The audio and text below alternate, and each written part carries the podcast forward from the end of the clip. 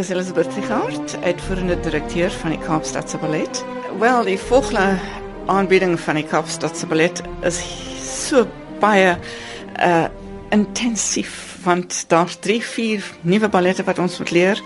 Ehm um, vir my is die musiek die mees belangrikste en is baie moeilike musiek om na te dans. Dis nie die gewone Tchaikovsky en uh Delibes nie.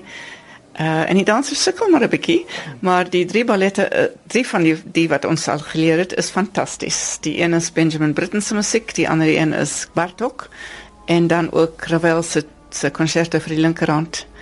En 'n mens moet so fyn luister om al die al die note te hoor en om daarop te dans. Dis moeilik vir die dansers, maar ons kom daarmee reg.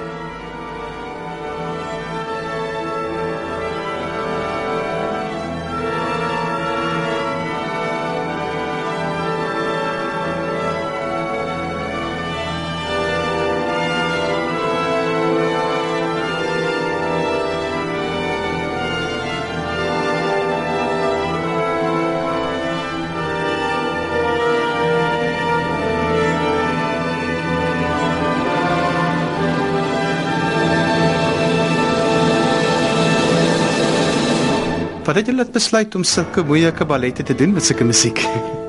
Dit was ek uh, eintlik Ashley se aanbieding. Hy het, vir ons gesê hy sal die ballette vir ons vir niks doen nie. En dis altyd goed vir ons en dis iets anders. Dis nie die gewone Tchaikovsky nie. En dis nuwe ballette wat ons nooit gesien het nie. En vir die dansers is dit ook 'n uitdaging om iets nuuts aan te aan te aan te wend. So uh, we're happy. Uh, daar's vier volle uh, lang ballette, so half uur lank. En dan is daar 'n pas de deux van Beauty and the Beast. En dan skryf Robin van Wyk ook 'n nuwe nuwe pas de deux vir Romeo en Juliet. So it's this heel wat uh, nuwe werk wat, wat ons in 'n kort tyd moet leer. Wie is die dansers of wie is die hoofrolle? Dis nie finaal uitgewerk nie want daar's so baie baie rolle in die ballette. Uh hy kies nog, Ashley kies nog wat er een hy die beste dink is uh, uh watter rolle vir hulle geskik is. Uh Capelli is wel uitgedeel en ons het vier verskillende rolverdelings vir daai ballet.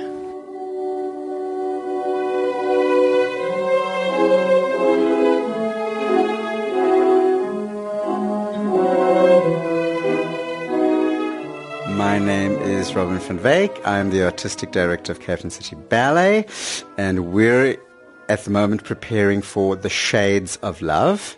Uh, most of the ballets, the six new ballets, are by Ashley Killar. Very exciting. The company is really taking to it like a duck to water. Uh, one of the ballets is very mature. Uh, the Miraculous Mandarin. It's quite sensual. So we're replacing that ballet on the matinees to accommodate uh, little grannies and little children with Glazunov and my new Romeo and Juliet balcony pas de deux. So very exciting. First ballet is uh, Toward Illusion. It's sort of a comedy take on what happens behind the scenes of theatre. The second ballet is beautiful Beauty and the Beast pas de deux then the miraculous Mandarin, obviously, and the last ballet is Saraband. And in the in the matinees, we will replace miraculous Mandarin with Glazunov variations and the Romeo and Juliet balcony pas de deux. Um, Ashley sort of arrived and said, "Wouldn't you like to help me fill the matinee program?" And both Elizabeth Triegaardt and I, at the same time, said Romeo and Juliet balcony, because I'm writing a full length new Romeo and Juliet for Maynardville in January. So this is sort of a, a teaser for that. But the musical is all very diverse and very different, and um, I think it's going to be a very, very exciting program.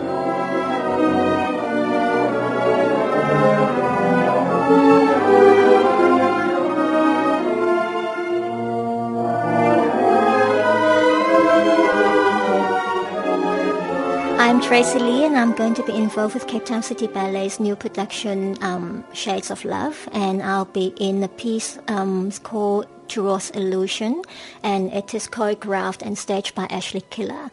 And it is a ballet about um, professional dancers preparing themselves for for a performance or rehearsal. So it's a l- little bit different to like being out there and performing it's about us being out there showing people how we check ourselves in the mirror or we like thinking about our own thing or preparing ourselves towards a run through or a performance. Um, but I think it is a nice story for myself between me and Ashley Killar because when I first joined NAPAC Ballet in Durban back like in the early 90s, Ashley Killar has um, left um, NAPAC Dance Company already, but my first ballet in this country is his Romeo and Juliet, and I have done his Juliet without him being there. It was staged by other people, and so I have always wanted to meet him. And now, after like so many years, that um, it was quite a nice touch for him to come back to Cape Town City Ballet, and then I am being able to be in one of his ballet as well, and being to and to work with him. So this is, I think, it's almost like a full circle.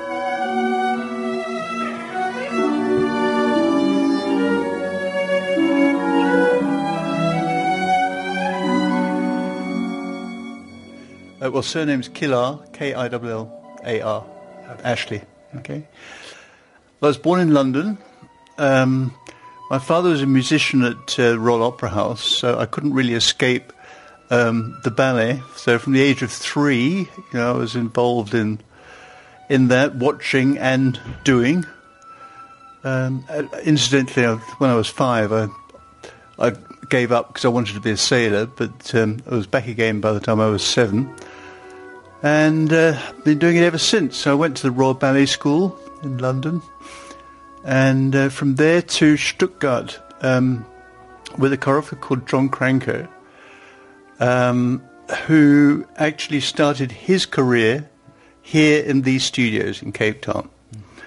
And um, I was very fortunate to work with him. He died very young, but I was very fortunate to work with him um, in Germany. And um, he really inspired me very much as a, as a choreographer. And um, that's one of the reasons I'm really keen to um, bring back a couple of his ballets, very small ballets, within this program of, of my own ballets. Um, after there, I went to um, went back to the UK and danced with the Royal Ballet for a while, and uh, but still with an interest in choreography, and that took me to um, Zimbabwe they were looking for someone to run the National Ballet there for on a short-term basis, and um, I was a bit in search of new adventure. and never been in the Southern Hemisphere before, and had the most wonderful time. And I think I was, um, I learned a heck of a lot about teaching and choreographing and set building and uh, costume making and everything else because it really was all hands on deck there. Um, and while I was there, um, I was asked to go to Pact Ballet in Johannesburg as ballet master. So I had five years there, and then I was that led to starting my own company in Durban, founding NAPAC Dance Company, and that really was a highlight of my career. I was able to um, choreograph a lot there, form um, a, a company which um, my brief was to take dance, not just ballet, but dance to the people of KwaZulu Natal, and we did. We we went to out outlying uh, villages and towns, as well as in the the, uh, the wonderful Natal Playhouse. Um, after a while, then our son was born. My wife, by the way, I, I um, in um, I met um, Jane, who had been a K-pop um, dancer um, when I was in Johannesburg, and we married here in Cape Town, actually at Kirstenbosch in the little church there by the Botanic Gardens, and our son was born in Durban.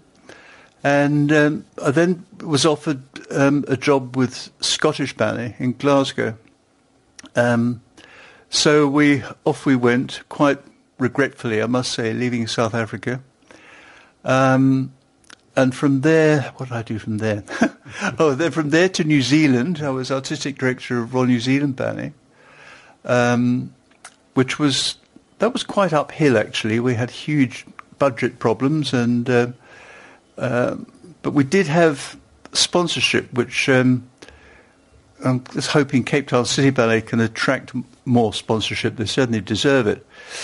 Um, and from from New Zealand, we went to Australia. Um, there was a big school up for sale in Sydney, and uh, my wife had always been um, interested in teaching, and um, I was I had a growing interest in dance education, so it seemed to suit us, you know, very well. So um, we took over um, this big school and gradually built it up the way we wanted it. And uh, we've been there for just on 20 years. Actually, the end of this year, we're celebrating our 20th year in Sydney with a big gala performance. Um, but when we were here over on holiday um, uh, a year or so ago, uh, we met up, of course, with Elizabeth, who has um, always been a, a, good friend. And um, we talked about the possibility of me coming and doing a program. And in the intervening months and year, we've been um, discussing by email what I should do. And um, so here I am. That's my background. Tell us a bit about the ballets that you're choreographing at the moment. Two of them were first, actually, two of them were first done in, in Pact Ballet, um, Saraband, and um, a, a, piece called Towards Illusion. Um, Saraband is to wonderful Ravel music, the piano concerto for left hand, and um, it had um, had quite a big success in um, with Pact. Um, we've we haven't I haven't mounted it elsewhere since because we haven't had the size of stage that it needs. It uh, it, it it opens up all the backstage area. Needs all that, and of course at Artscape you've got that. And um, with the uh, leading dancers that uh, are here in Cape Town City Ballet, um, we've got wonderful material um, to, to, to do this piece. I'm actually re-choreographing a lot of it um, because I want to tailor it particularly for this company for their particular strengths, uh, considerable strengths, um, and um, also because I, I feel it needs a bit of revitalization, put it that way. And um, the other ballet that comes from Pact is called Towards Illusion, which is a ballet about dancers preparing for performance. Um, it's um, you know the whole program is called Shades of Love, and it's different aspects of of love. In Saraband, um, a woman from maybe from 17th century Spain comes and dances a Saraband type dance, and um, she's a sort of mysterious woman whom the lead man falls in love with. In Towards Illusion, it's about dancers' love for their profession and for their art, and um, it's it it's part of it's humorous, part of it's quite serious, um, uh, but I hope it, people will find it entertaining. Uh, it's wonderful music by Benjamin Britten. Then the middle ballet in the evening performances is uh, Miraculous Mandarin, which has a very difficult but superb score, I think, of, of Genius by Bartok. Um, and I say in the evenings only because it is a very mature sort of theme. It's, it's not certainly not a ballet for children. Um, it takes place in a tenement building, and three thugs, one of them a pimp, keep a girl more or less hostage, and um, she they've made her into a, a prostitute, and um, a couple of visitors arrive and they're promptly robbed. They have no money, and then a mandarin arrives. But the twist to the plot is that um, he can't die when they attack him uh, he's obviously very wealthy, but he has only all he needs is compassion and love, um, which eventually, well, you can come and see it and see what happens.